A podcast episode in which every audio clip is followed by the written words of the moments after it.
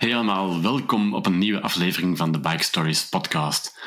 Ik sprak hier al met bevlogen fietsers over hun bijzondere avonturen. Uh, ze fietsen door België of Frankrijk, naar IJsland of Vietnam, tot zelfs door Zuid-Amerika en de hele wereld over. Allemaal unieke verhalen van unieke fietsers en één ding hebben ze met elkaar gemeen. Ze fietsten allemaal door de wereld van nu, begin 21ste eeuw. Maar wist je dat er ook een eeuw geleden al van die fietsavonturiers waren? En dat er in de jaren dertig bijvoorbeeld een eening was die alleen op zijn fiets dwars door Afrika reed. Lijkt me een heel fascinerend gegeven, dus ik praat daar heel graag over met uh, cyclojournalist Tom Isewijn. Hey Tom. Hallo, hey. goedemiddag. Uh, fietsen door Afrika in de jaren dertig, dat lijkt me een geniale ambitie, maar misschien ook uh, geflipt tegelijkertijd. Want de wereld zag er toen uh, ja, net iets anders uit. En jij weet daar alles over, want je schreef er een bijzonder boek over. Alleen door Afrika, de opzienbarende reis van Kazimierz Novak. Vertel eens, wie was die Kazimierz Novak? Ja, Kazimierz die, uh, die wordt geboren op het einde van de 19e eeuw in, in wat later Polen zou worden dus in die Poolse gebieden. En uh, had, ja, was eigenlijk een man van het gewone volk, laten we zeggen. Dus hij was voorbestemd om een vrij onbetekenend leven te hebben. Uh, ja, in Polen zelf, uh, zonder te veel ambitie, zonder te veel rijkdom en roem. Mm -hmm. en de, toen de crisis toesloeg in Europa, de diepe economische crisis van de jaren 20 en 30, raakte hij zijn werk kwijt dat was voor hem het uh, startschot om zijn leven een andere wending te geven. En hij stapte op de fiets en begon als journalist te werken. We spreken dan van 1925. Uh, eh, hij maakt twee grote reizen door uh, Europa en belandt ook in Noord-Afrika. Op de fiets. En ja, hij reist dus per fiets in die tijd al. En hij schrijft ondertussen dan stukjes voor de Poolse pers, die hij probeert te verkopen aan verschillende kranten. Dus hij maakt eigenlijk van ja, het ongeluk dat hem overkwam, namelijk die werkloosheid en, en, een beetje de uitzichtloze situatie van eh, nooit nog werk te vinden. Mhm. Daarvan maakt hij dan uh, gebruik om, uh, ja, om het erop te wagen als uh, zelfverklaarde journalist, want hij was ongeschoold. Dus hij had geen diploma, hij had geen, ja, geen vorming in, in, ja, in journalistieke technieken. Eh, maar hij was wel moedig, hij schreef graag, hij kende veel talen en uh, vooral hij fietste graag. Dus hij maakte van zijn, zijn passie een beetje zijn, zijn beroep. Ja, dat is een goede combinatie. Uh, want je bent, zelf, je bent zelf ook journalist? Ja, ik ben een ja, freelancende journalist, of, of meer bepaald een cyclo-journalist. Dus ik reis stevast per fiets, liefst door het Europese platteland. En uh, breng dan verslag uit over wat ik daar zie en wat mensen mij vertellen op het, uh, op het platteland. Omdat heel die problematiek van ruraal of perifeer Europa een beetje onderbelicht blijft natuurlijk in, uh, in de mainstream media. En dat levert dan ja, interessante inzichten op. Omdat je in die leegte, leegte of ja, in die verlaten gebieden of die wat minder florissante gebieden bent. Dus die, die methode van fietsen en schrijven uh, ja, heb ik een beetje overgenomen van Casimir Novak, zou je kunnen zeggen. En dat deed hij dus ook een, een eeuw geleden door Europa, maar hij ging ook naar Afrika. Waarom door Afrika? Of hoe kwam hij daarop? Uh, wel, in zijn, zijn, tweede Europese reis deed hij ook een stukje van Noord-Afrika aan. Hij, uh, ja, zijn geld was op dat moment op en hij was ook ziek, dus hij, hij moest eigenlijk terug naar Polen. Maar op dat moment heeft hij besloten om terug te keren. Wat hij dan twee jaar later ook doet, dus in 1931 stapt hij in Polen op de fiets en rijdt naar uh, Afrika, omdat het continent hem ja, gebeten had. Hij, was, hij wou meer weten over, over die wereld en zeker die Noord-Afrikaanse zone uh, van uh, Algiers, Libië, Egypte, die wou hij beter leren kennen. En we weten dat hij dus ja, 6 november 1931 vertrokken is. Dan een goede maand later aan zijn tocht begint in Libië. Mhm. Maar eigenlijk wist hij niet goed waaraan hij begon. En al, snel wordt duidelijk dat dat fietsen in de woestijn, dat dat toch niet zo makkelijk is. Dat water vinden, dat dat helemaal niet zo gemakkelijk is. Je weg daar vinden, dat dat helemaal niet evident is. Dus hij raakt al snel een beetje ontnuchterd van zijn Afrikaanse fantasma en stelt vast dat dat geen gemakkelijke reis zal worden. Maar hij zou uiteindelijk wel doorzetten. En hoe oud was hij toen ongeveer? Hoe moet ik me hem precies voorstellen? Uh, Casimir was 34 op dat moment. Dus hij, uh, hij was ja, een, een, ja, een, volwassen man. Hij was, trouwens ook gehuwd, had twee kinderen, uh, die hij al die tijd heeft achtergelaten tijdens die reizen natuurlijk.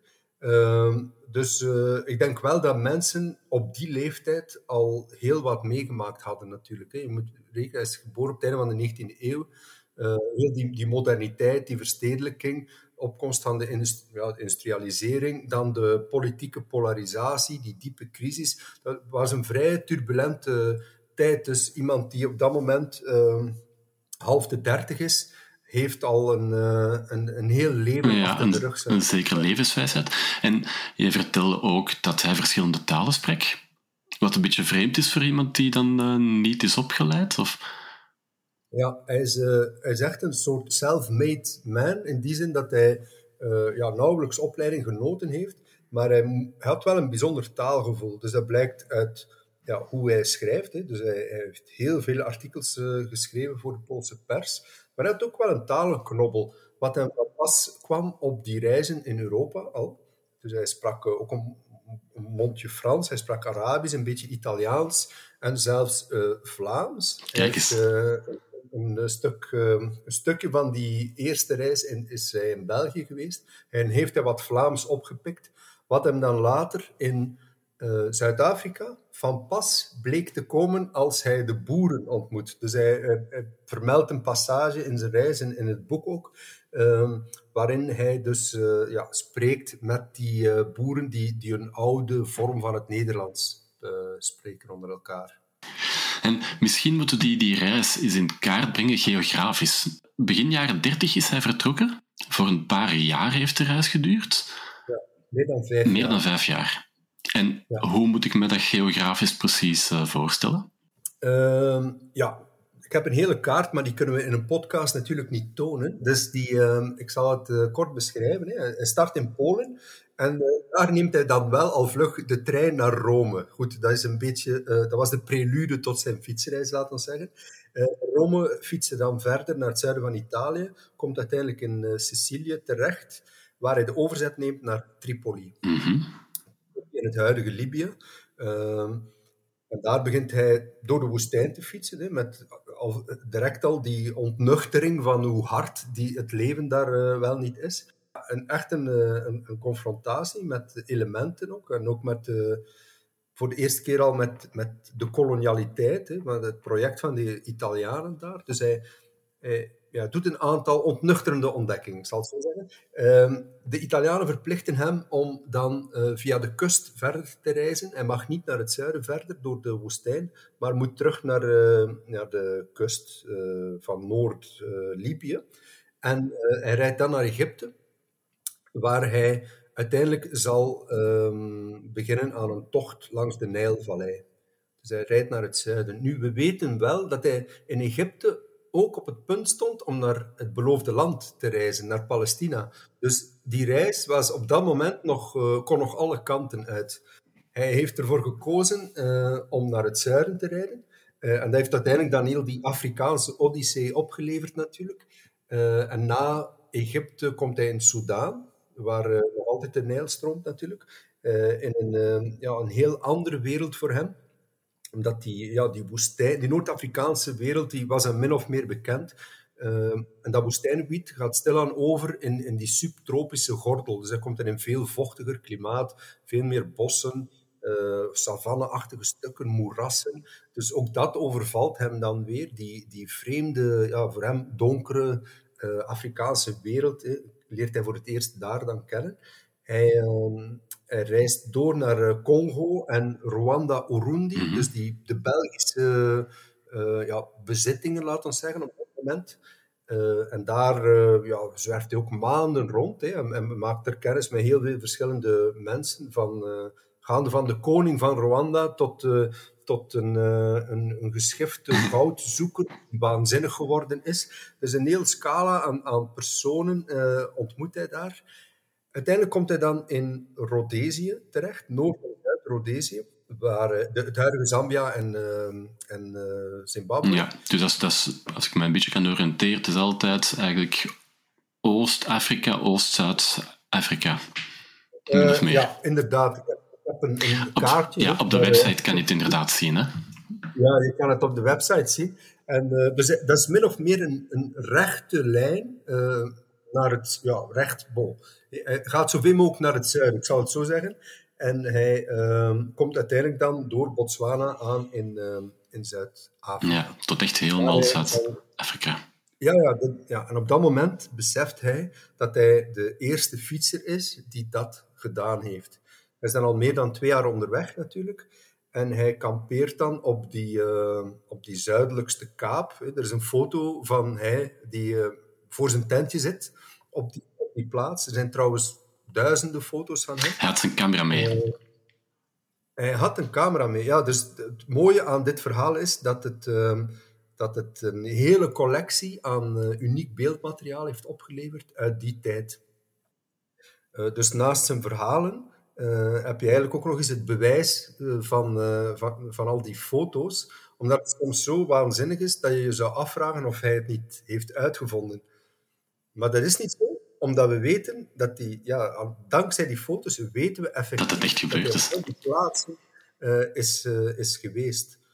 En die, uh, die, die, getuigen eigenlijk stuk voor stuk van, van ja, al die verschillende landschappen, die verschillende mensen, die verschillende situaties waarin hij zich bevindt. En dat is wel slim gezien van Kazimierz Novak, dat hij zichzelf er steeds opzet -hmm. op die foto's.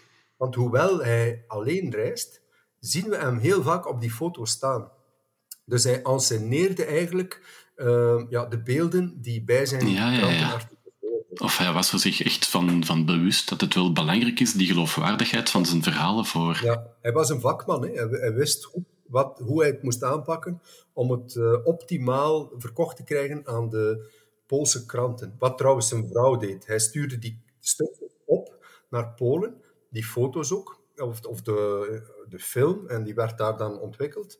Uh, en zijn vrouw verkocht dat dan aan de, ja, aan de kranten die het wouden plaatsen.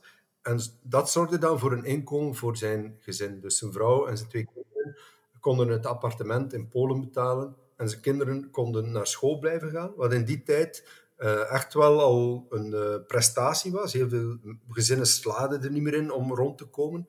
Maar hij dus wel. In die zin is hij, ja, was hij wel een redelijk bekende okay. journalist. Ja. En slim ondernemer ook. Het is heel clever. Uh, ja, dus hij, hij, hij, slaagt goed in zijn opzet, namelijk uh, zijn, zijn geld verdienen met, uh, met het maken van reportages. Nu, daar moet ik wel een kanttekening bij zetten. Er kwam weinig geld dan terug tot bij hem in Afrika. Dus hij heeft al die jaren eigenlijk als vrij berooid door het continent moeten zwerven waardoor hij bijna elke nacht in zijn eigen tent moest slapen. Dus het was zeker geen luxe reis voor hem. Daarom, de ondertitel is de opzienbarende reis, omdat het bijna uh, ja, uh, absurd is dat die man dat volgehouden heeft. Al die ontberingen, die problemen, uh, ja, dat geldgebrek, die ziektes. Uh, en toch blijft hij maar doorzetten. Vijf jaar lang, meer dan vijf jaar lang. Want hoe werd hij gepercipieerd in, als het door die verschillende Afrikaanse landen gaat? Die vinden dat ook vreemd waarschijnlijk, dat er plots zo een, een, een berooide uh, fietser langskomt die dan vreemde vragen ja. stelt aan iedereen. Ja, hij was, uh, hij was een zeer uitzonderlijke verschijning. Zowel voor de Westerlingen die daar woonden en die in relatief grote luxe konden leven, uh, ja, was, hij, was hij een rariteit natuurlijk, dat hij er als een arme journalist met een fiets door dat continent aan het, aan het zwerven was. Maar ook voor de lokale bevolking was zijn curiosum. Omdat heel veel van die mensen nog nooit een fiets hadden Zelf in die mate. Staan, ja. Uh, ja, in die mate. Laat staan met een, een, een, rijk, een westerling erop, die in hun ogen vaak uh, een geprivilegeerd ja, iemand was. Ja, ja, dus hij was voor beide groepen een buitenstaander. Wat hem een beetje een, een, ja, een grenspositie verschafte tussen die twee uh, culturen en tussen die twee ja, werelden eigenlijk. Interessant. En werd hij dan ook aanvaard door beide? Mm, niet altijd. Nu, maar het is zo dat hij, bij heel veel van die uh, lokale uh, bevolking die hij, die hij tegenkwam, dat hij daar vaak wel uh, goed onthaald werd. Precies, precies omdat hij zo onschuldig en zo behoeftig was. Dus vaak werd hem dan wel eten gegeven, of kon hij zijn tent daarop zetten, of kon hij in een hut slapen. werd hem ja, werd eigenlijk gastvrij ontvangen, omdat ze snel begrepen dat hij geen belastingontvanger was, of geen dokter was, of geen militair was, maar gewoon een, een mens. Een, uh, soort loslopend ja. individu dat daar uh, op, een, op een bizarre manier door, de, door het continent aan het reizen was. Dus hij, hij kwam eigenlijk vrij dicht bij uh, ja, het authentieke Afrika. Ik denk dat, we, dat veel fietsers nu ook dat gevoel wel een beetje kennen uh, van ja, als je al, ja, ontwapenend en op een heel eenvoudige manier reist, slaag je er dikwijls in om veel dichter bij de dorpelingen te komen of bij de mensen die je tegenkomt. Ehm, dan wanneer dat je in grote luxe reist en met een zekere arrogantie komt kijken naar die mensen. Dus die, die, dat respect is, uh, is heel anders natuurlijk. Je wordt een van hen. Je bent niet iemand die even komt observeren, maar je ja. maakt deel uit van, van, van de beschaving eigenlijk. Op de fiets. Ja, ja wel, je komt, je komt, je maakt er tijdelijk deel ja, van uit. Dat is misschien beter. Want hij blijft natuurlijk een buitenstaander en hij doet wel alsof hij uh, ja, zo deel begint uit te maken van, van die mensen. Maar eigenlijk is dat, is dat volgens mij niet, niet echt mogelijk, omdat hij zo vaak weer moet vertrekken. Dus hij, hij is een passant, maar wel een passant die uh, tijdelijk in de groep wordt uh, opgenomen en daar eigenlijk uh, ja, interessante dingen ja. meemaakt. En dan als journalist schreef hij dan verschillende stukken die hij dan opstuurde naar zijn vrouw. Um, ja. Was daar een bepaalde regelmaat? Uh, hij heeft heel veel geschreven. Dus in die zin was er een um, constante stroom van, van artikels die in de pers verschenen is gedurende die jaren. Um, nu, het is wel zo dat ik in, de, in het boek merk ik dat tussen sommige stukjes er weken zitten waarvan ik niet weet waar hij was mm-hmm. op dat moment. Dus er zitten ook wel grote lacunes, hiaten in. En ofwel was hij dan uh, ja, verloren gelopen en was hij gewoon aan het rond, rondzwerven op zoek naar, uh, ja, naar de juiste weg, laten we zeggen, of de volgende bestemming. Uh, maar het zou ook wel kunnen dat hij af en toe een tijd nam om te recupereren. Mm-hmm. En we weten, dat, komt, dat zie je ook wel in het boek, dat hij af en toe op een missiepost verblijft. En ik vermoed dat hij daar wel soms in een week of twee weken op non-actief uh, ging. En dan uh, ja, gewoon de, het vervolg van zijn reis voorbereiden. Een ziekte ja, wou overwinnen. zijn fiets wou moest herstellen. Dus bezig was met, met die praktische zaken. Maar hij was, hij was zeker wel, wel, wel productief. En heeft eigenlijk over alle landen waar hij passeerde, ehm, heeft hij vrij goed beschreven ja, wat hij daar zag. En ook heel zijn tocht, ik heb die gereconstrueerd als GPX. En dus alle dorpjes die hij vernoemt, of alle plaatsen, heb ik dan via, via die applicaties opgezocht. Waardoor ik een vrij goed beeld heb van zijn, ah, ja. uh, van zijn traject. Ook interessant om, om, ja, om daar zelf nu nog eens via satellietfoto's te gaan kijken wat, daar, wat daarvan over is.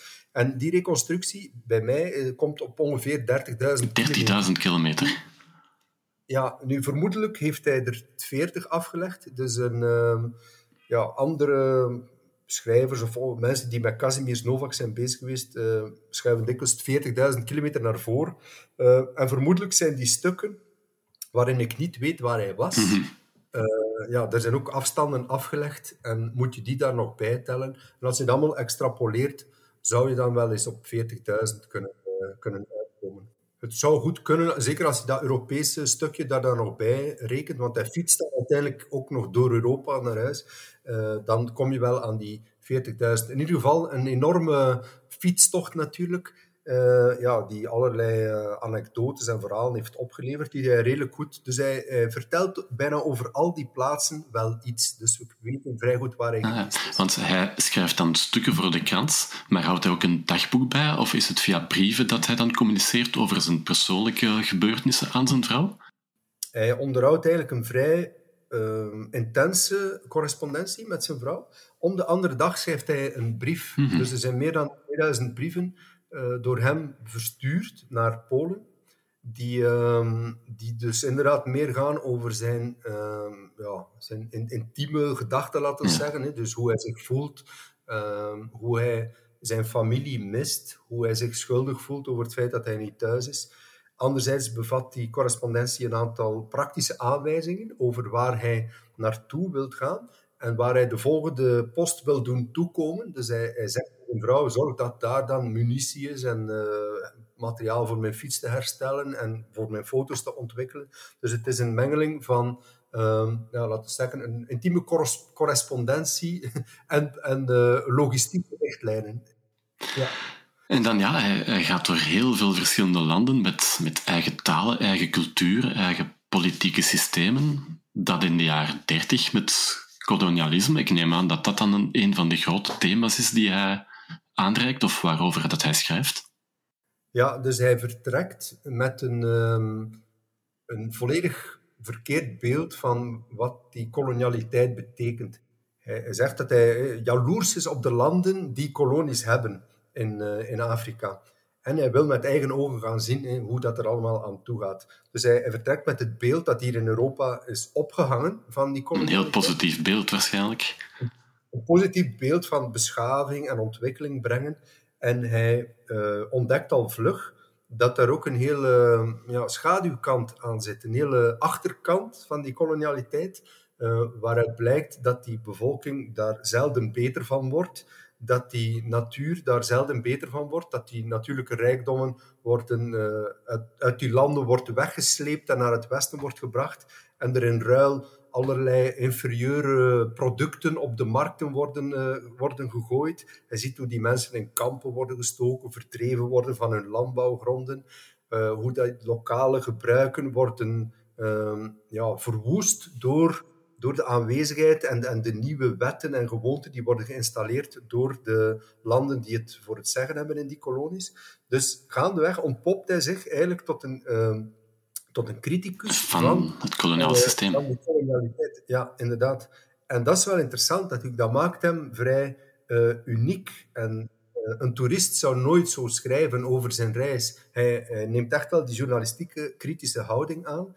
En ik ik heb geen weet van vele anderen die dat in het begin van de jaren 30 al deden. Je hebt natuurlijk wel ja, mensen als Multatuli gehad of Joseph Conrad, die in Heart of Darkness ook over die, ja, die, die donkere kant van, van die kolonialiteit schreven. Maar al bij al was in de mainstream media was dat niet echt een, uh, een ja. gewoonte om zich zo kritisch uit te laten over die koloniale wanpraktijk. En dan schreven daar kritische stukken voor, maar die moesten natuurlijk nog wel gepubliceerd raken, want anders uh, ja. kreeg je geen geld. Dus was het daar schipperen? Want ik neem aan dat de kranten, die misschien die heel anders keken naar uh, de kolonialiteit, dat zij daar toch een andere opvatting over hebben.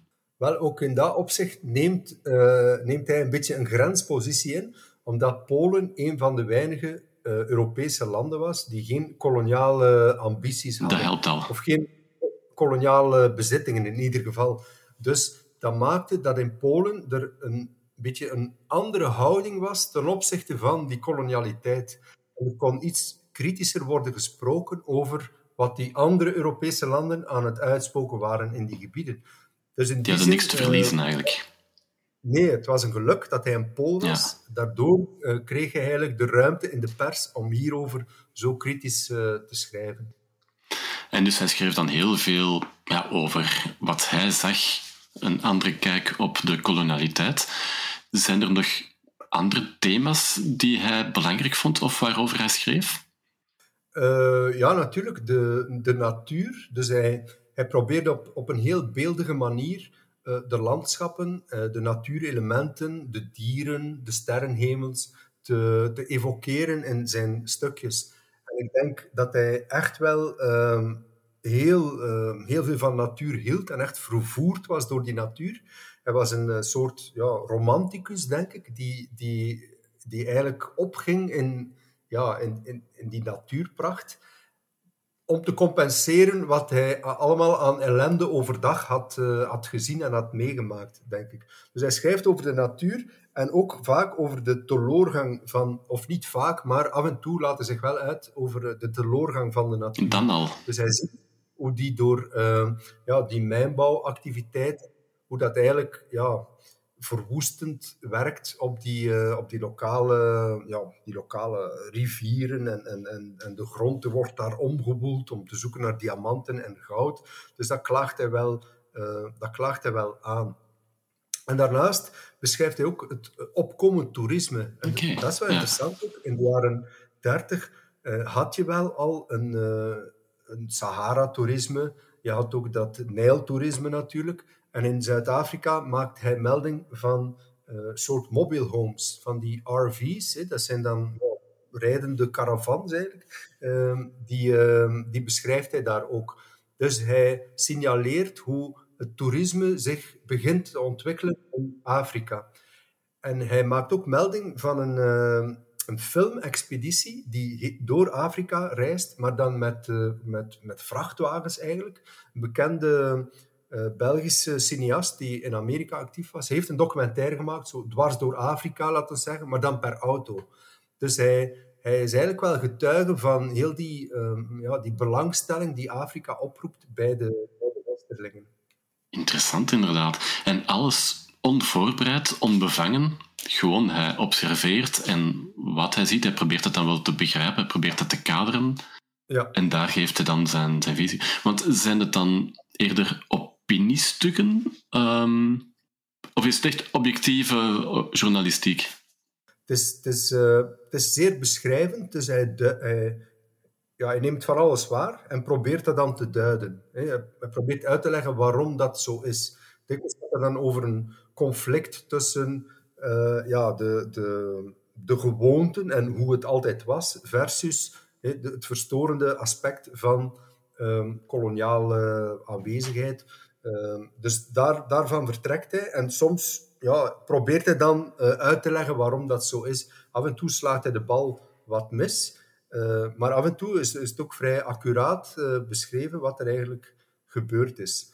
Hij is natuurlijk niet geschoold, hè, dus hij is geen academicus, hij is geen echte journalist. Uh, de, de, deontologie van de journalist zal hij ook niet uh, gehanteerd hebben in die tijd. Dus uh, ja, we moeten het wel in zijn, in zijn tijd zien. Hè. Hij is een amateur-journalist, maar wel iemand die zeer toegewijd beschrijft en probeert te begrijpen wat er aan de hand is.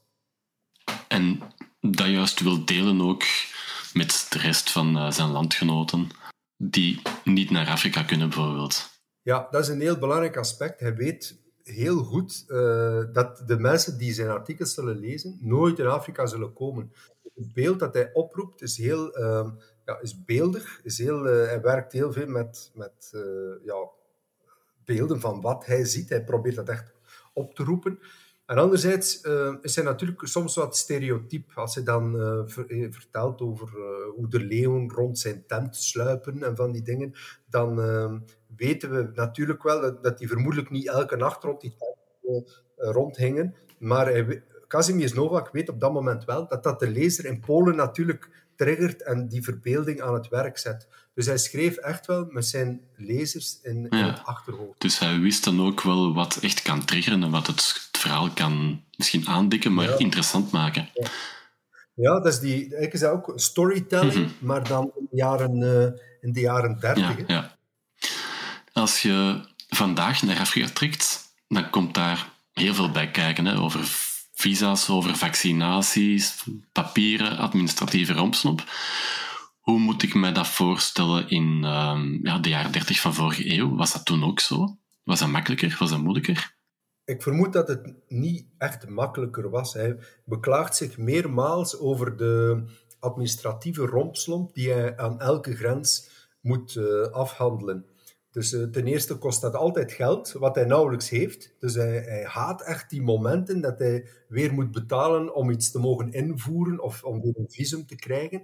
Um, trouwens, hij heeft het niet zo begrepen op, die, op al die administratie. Hij vindt dat maar iets, uh, iets overbodig. Dat dient om hem te controleren en om hem in het gareel te houden. Dus hij, hij houdt daar niet, uh, niet zo van. En het is wel een feit dat je, dat je dus voor elk land opnieuw een, uh, ja, een toelating, een visum, een, een, een aanbevelingsbrief nodig had. Dus het was zeker niet makkelijk. Het is niet omdat je een witte Europeaan was, dat je zomaar heel Afrika kon door, doorfietsen. Dus al die landen hadden toch hun eigen regeltjes. Er was ook een sterke rivaliteit tussen die landen. Dus die grenzen werden echt wel streng bewaakt. Dus daar was hij zeker geen geen fan van en het was zeker niet makkelijk. Ja, maar het lukte hem wel om heel zijn, zijn route te doen van Noord naar Zuid-Afrika en dan terug, terug naar boven. Hè? Helemaal terug. Uh, ja, dat, dat lukte wel. Uh, soms uh, moest hij wel zien dat hij wat bijverdiende door een foto te verkopen. Mm -hmm. of, of moest hij rekenen op mensen die hem wat geld wilden geven of, of lenen. Hè. Dus hij had echt heel weinig middelen. Om, soms was het kantje boordje en ja, zat hij om geld verlegen, nog maar om verder te kunnen reizen. Trouwens, die terugtocht die verloopt veel moeilijker dan zijn heenreis, zal ik maar zeggen, omdat zijn fiets het begeeft in, in Angola. Nee. Hij, die fiets is dan al, ja, is al meer dan drie jaar onderweg. En uh, ja, begeeft het dan finaal. En dan moet hij overschakelen op andere vervoersmiddelen. Oké, ja, want over die fiets, daar moet het ook eens over hebben. Hè. Als je vandaag een grote reisfiets, dan heb je een grote, uh, knappe Santos Travelmaster met, met ortliepzakken en ik weet niet wat. Ik denk dat een eeuw geleden dat de fiets er iets zwaarder uitzag. En uh, hoe, moet ik me die fiets precies voorstellen? Ja, een stalen fiets uh, van het merk Bor. Dat is een uh, Duits merk, waar trouwens ook de fietsen van het Duitse leger uh, gemaakt werden. Die fiets ja, moet al sowieso al misschien 20, 25 kilo gewogen hebben. Die had nauwelijks versnellingen. Het is te zeggen, je kon het achterwiel omdraaien, waardoor je een iets ander verzet kon steken op die fiets. Dat was het. Je had twee verzetten. Um, en dan had hij natuurlijk ook nog eens die, die bagage ah, mee. Hij had op zijn Brennabor een bagagerek laten uh, monteren of laten oplassen, omdat hij soms toch tot 70 kilo bagage... Tot 70 kilo? Ja, uh, dus dat is iets anders dan de bikepackers van vandaag de dag. Hij, uh, hij moest ja, sowieso dikwijls heel veel water meenemen, soms tot 30 liter. Uh, dat had hij al snel, snel geleerd, dat hij daar een beetje... Is wel belangrijk, ja. Uh, maar daarnaast had hij natuurlijk geen uh, lichtgewicht trekkingmateriaal. Dus hij had, hij had, een tent mee die zijn vrouw voor hem had genaaid. Dat was eigenlijk in, in een soort canvas. Dus die woog dan waarschijnlijk ook al ja, 15 kilo of zoiets. Uh, dan eten moest hij mee, munitie moest hij mee, materiaal om zijn foto's te ontwikkelen, zijn fototoestellen zelf. Hij, uh, ja, hij, hij, had, hij, had, eigenlijk altijd van alles nodig. Dat hij, en dat was dan nog maar strikt ja, minimum eigenlijk dat hij, dat hij kon meenemen. Maar dat was de, tot, op sommige momenten dus tot 70 kilogram. Dat is echt geflipt. Ja.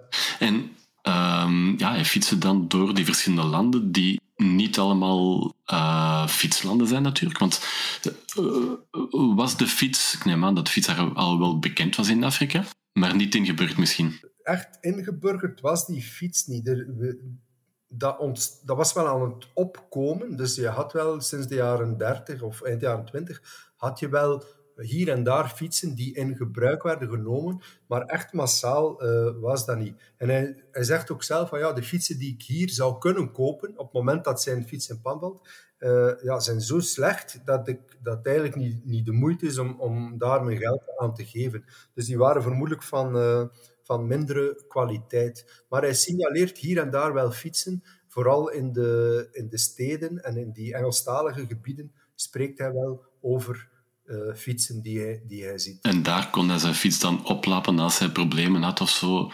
Ja, hij moet heel vaak uh, aan zijn fiets gewerkt hebben natuurlijk. Uh, spaken vervangen of aandraaien, onderdelen opnieuw vastzetten, assen repareren. Maar dat, daar slaagt hij dan blijkbaar mm. toch altijd wel in. Nu, daar vertelt hij vrij weinig over in, in, in zijn boek. Dus die, die kant van de logistiek, daar weten we niet heel veel over. Hij zegt wel dat hij uh, heel veel rustines, hè, dus Ja, plakkertjes, heeft, plakkers heeft gebruikt om zijn, om zijn wielen te herstellen, om zijn banden te, te stoppen. En af en toe wordt hem ook wel eens een band opgestuurd door een, uh, door een sponsor. Mhm. En die vermeldt hij dan ook in zijn boek. Hè. Dus het uh, is het merk van banden. En af en toe doet hij aan product placement. Stoommiel heeft mij gelukkig nog banden opgestuurd. Uh, dus dan kan hij weer verder. Maar die fiets, ja, die, die moet enorm sterk geweest zijn. Dat Dat zal. zo lang Ja. Ja. En dan na drie jaar heeft die fiets het begeven op terugweg. En dan, want ik neem aan, ja, echt gelukkig wordt hij daarvan niet? Of, of had hij dan gezegd van stopt hier? Of... Nee, dus hij, nee, hij, hij kon, op dat moment kon hij ook niet stoppen. Hè. Hij was begonnen aan zijn, aan zijn terugreis. Dus hij moest eigenlijk wel naar huis. Hij had ook nauwelijks geld. Dus zat niet veel anders op dan uh, over te schakelen op paarden. Op dat Mhm. moment uh, heeft hij uh, de hand kunnen leggen op twee paarden. En begint hij aan een tocht van 3000 kilometer met die paarden. Die dan ook weer maandenlang zal duren. Dat, is, dat is niet echt een zegen voor hem, omdat die paarden, ja, hij, hij, kent die dieren niet zo goed, dus hij weet niet hoe hij die moet bepakken, hoe hij erop moet rijden, uh, wat die moeten hebben van eten. Dus dat is een heel leerproces dat hij doormaakt. En uh, ja, uiteindelijk gaat het dan wel goed en ontwikkelt hij veel sympathie voor die dieren. Hij zorgt er eigenlijk wel goed voor. Uh, dus dat is wel mooi om te lezen. En die dieren brengen hem dan eigenlijk tot aan het uh, nou, meer subtropische gebied, waar de CC-vliegen uh, heersen. En daar kan je met een paard niet meer verder, want dat wordt gewoon op, uh, ja, ik zal maar zeggen, op, zo vaak gebeten dat het... Dat hij begeeft. Dat het, ja, dus dan moet hij weer, ehm, moet hij weer ehm, ja, overschakelen op een ander vervoermiddel. En hij, ehm, hij kan dan toch weer een fiets bemachtigen. En uh, gaat, dan, uh, gaat dan verder tot aan de Kassai-rivier. En aan de Kassai-rivier uh, besluit hij om een, in, in, twee prauwen verder te reizen, te reizen over water. Dat, ja, dat is ook weer een heel avontuur dat eigenlijk al vrij snel slecht afloopt. En dan komt hij, staat hij te voet aan land. Dus hij, ja, hij verliest die prauwen. Hij kan nog net zijn, zijn belangrijkste bagage eruit redden dan en komt dan te voet te staan. Uh, en moet dan weer meer dan duizend kilometer uh, te, voet, te voet verder. Dus dat, dat, duurt allemaal weken en weken, tot hij uiteindelijk Angola door is en in, in Congo aan, een, aan de volgende rivier weer met een boot verder kan. Mm -hmm. Die heeft een perel gezien. Ja, ja, tuurlijk. Dat is een, dat is een waanzinnig avontuur. En dan, uiteindelijk komt hij dan aan in Kinshasa met die boot, dus uh, ook dat is een tocht van meer dan duizend kilometer over de Luala en de Congo-rivier. En in Kinshasa, uh, van in Brazzaville dan, aan de andere kant van de Congo-stroom, kan hij terug per fiets verder. Oké, okay, ja. En dan uh, volgt weer een tocht door, door die tropische wouden van door de Fransen bezet Afrika. en al vlug blijkt dat fietsen daar niet meer mogelijk is. Dan moet hij overschakelen op dromedarissen. Dan reist hij weer verder met dromedarissen, uh, tot hij uiteindelijk de laatste duizend kilometer dan toch weer per fiets kan ja. afleggen. Die fiets heeft heel die tijd op die dromedarissen gehangen. Die had hij dan, uh, had hij dan bijgehouden, omdat hem dat natuurlijk te dierbaar werd. Uh, ik wou die niet zomaar achterlaten, hij had, die, hij had daar ook voor betaald. En vanaf hij terug kon fietsen, is hij, dan, is hij dan terug beginnen fietsen. Maar dat is dan al in 1936 uh, voor het laatste stukje van 1000 kilometer. Wauw. En daarna kon hij dan thuiskomen en hoe werd hij ontvangen? Uh, ja, dus dat naar huis gaan, dat heeft dan nog wel wat voeten in de aarde. Dus hij, hij zet dan over naar, uh, van Algiers naar Marseille.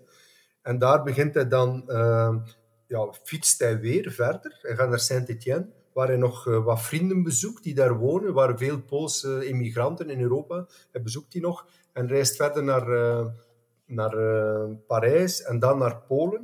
Ik denk dat hij dat laatste stuk wel met de trein doet. En hij komt dan, het is bijna eindjaar 1936, oude jaar 1936, komt hij aan in Polen, uh, waar zijn familie op hem wacht. En dan is hij dus na uh, ja, meer dan vijf jaar is hij herenigd met, met zijn vrouw en zijn twee kinderen. Zijn zoontje had hem, kende hem waarschijnlijk niet, want hij was nog heel klein toen hij vertrok.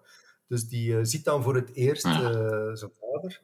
En uh, goed, dan zou hij zijn carrière uh, starten als schrijver en als lezinggever. Hij had het plan opgevat om over zijn verhaal een hele tour te doen. ja, om te vertellen over Afrika. En met die foto's ging dat eigenlijk, ja, zag dat er veelbelovend uit.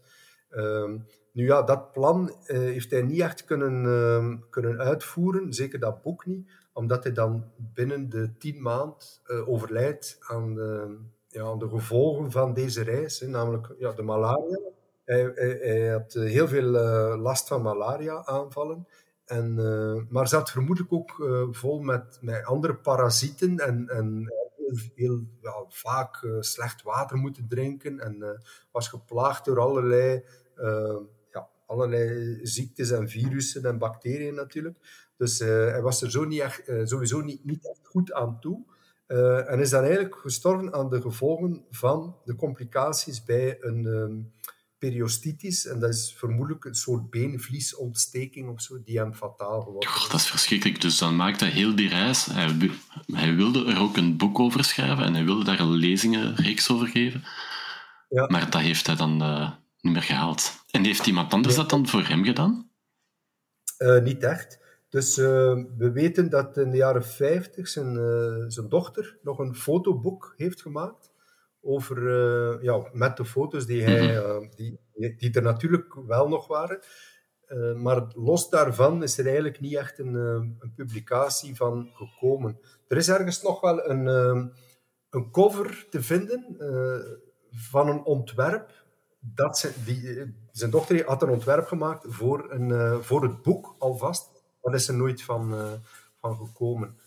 En pas op het einde van de jaren 90, dus het was al bijna 2000, is hij herontdekt in, in Polen. En zijn de, ja, zijn de mensen begonnen met de archieven van die kranten uit te pluizen naar zijn, zijn artikels. En pas dan is er een eerste boek gekomen in Polen Daarna is een tweede boek gekomen in, uh, in Polen met nog meer informatie. Daarvan is een Engelse vertaling verschenen. En op basis van die Engelse vertaling heb ik dan dit boek. Uh, en is het dan een soort van vertaling of heb je daar extra onderzoek uh, bij gedaan? Of? Het idee was eerst om het te vertalen, maar gaandeweg ben ik dan ja, dit, toch wat dingen gaan aanpassen. Ik heb dingen ja, geschrapt of het vertelperspectief veranderd. Ik heb ook dingen verplaatst in het boek. Ik heb hier en daar het iets klein uh, toegevoegd om het, uh, om het verhaal beter te vertellen. Flow, ja, de flow daar een beetje in, in te houden. En uh, het is ook een, een iets compacter boek dan, dan, eigenlijk, uh, ja, dan het, het, het Poolse of het Engelse boek, die vrij exhaustief de artikels opgenomen hebben die er waren van hem. Dus ik heb het wat lichter verteerbaar gemaakt, denk ik. En wat vlotter, hoop ik. Uh, maar het is toch nog altijd 320 pagina's.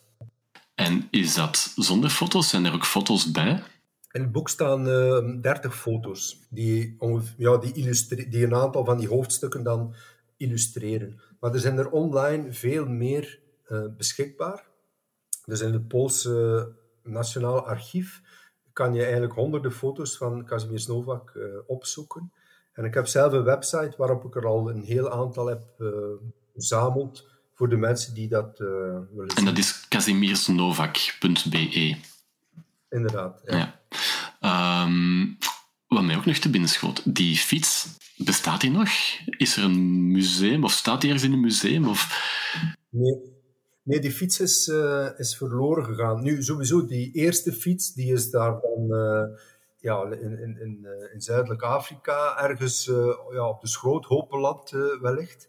Uh, maar zelfs die laatste fiets is, ehm, is, is verloren gegaan. Dus die, er werd eigenlijk niet, veel, niet zoveel belang gehecht aan heel die herinnering aan, aan Novak. Die was dus vermoedelijk al in de jaren 40 vergeten. En dat is wel bizar, dat die, iemand die zoveel gepubliceerd. Zo'n pionier, ja dat die, ehm, ja, dat die onmiddellijk vergeten is. Nu, het feit dat de Tweede Wereldoorlog uitbrak... speelt mee natuurlijk. Wat in Polen een, heel ja, enorm uh, traumatische gebeurtenis was, heeft er waarschijnlijk wel voor gezorgd dat mensen niet meer bezig waren met, met de folklore van, uh, van Kazimierz Novak natuurlijk. Ja, maar dan gelukkig werd dat dan toch nog opgerakeld en wordt zijn verhaal dan, dan verder verteld. Ja, ja, dus dat is het mooie eigenlijk, dat die, uh, dat die mythe toch sterk genoeg gebleken is om, in de herinnering van een of andere oude Pool uh, te blijven hangen. En die heeft het verteld als een kleinzoon. En die kleinzoon is dan eigenlijk de man die, die, die begonnen is met het uh, terug opzoeken van al die krantenartikels. Dus uh, in die zin krijgt hij dan toch nog waar hij zelf van droomde, namelijk een, een boek. En dat is wel, dat is wel fijn ja. natuurlijk. Wat ik me nog afvroeg zelf, toen hij thuis kwam, heeft hij dat als een succes ervaren? Is hij of zijn familie daar echt beter van geworden financieel? Want ze kwamen van niks. Het was eigenlijk een noodoplossing. Ja, hij was bekend. Dus hij, hij, hij had wel, ja, in al die jaren was er wel zoveel gepubliceerd dat hij een zekere naam had als, uh, als uh, journalist. En uh, we weten ook dat bij, na zijn dood dat er vrij veel mensen ja, zijn komen afscheid nemen. Er zijn foto's van de begrafenisoptocht en dat, was, dat is echt wel met de nodige egaars gebeurd, die, die begrafenis. Er is dan een fonds opgericht voor de weduwe, dus er een, een hele solidariteitsactie opgezet om haar ja, te helpen alvast de eerste periode te overbruggen. Dus dat fonds heeft daarbij dan wel geholpen. Maar later is er dan met die, met die herinnering en met dat materiaal niets, niet echt nog iets gebeurd natuurlijk. Hè. Dus ik weet niet goed wat er dan van de, van de familieleden is terechtgekomen. Zijn dochter is architecte geworden en heeft ook um, schilderijen gemaakt als kunstschilder.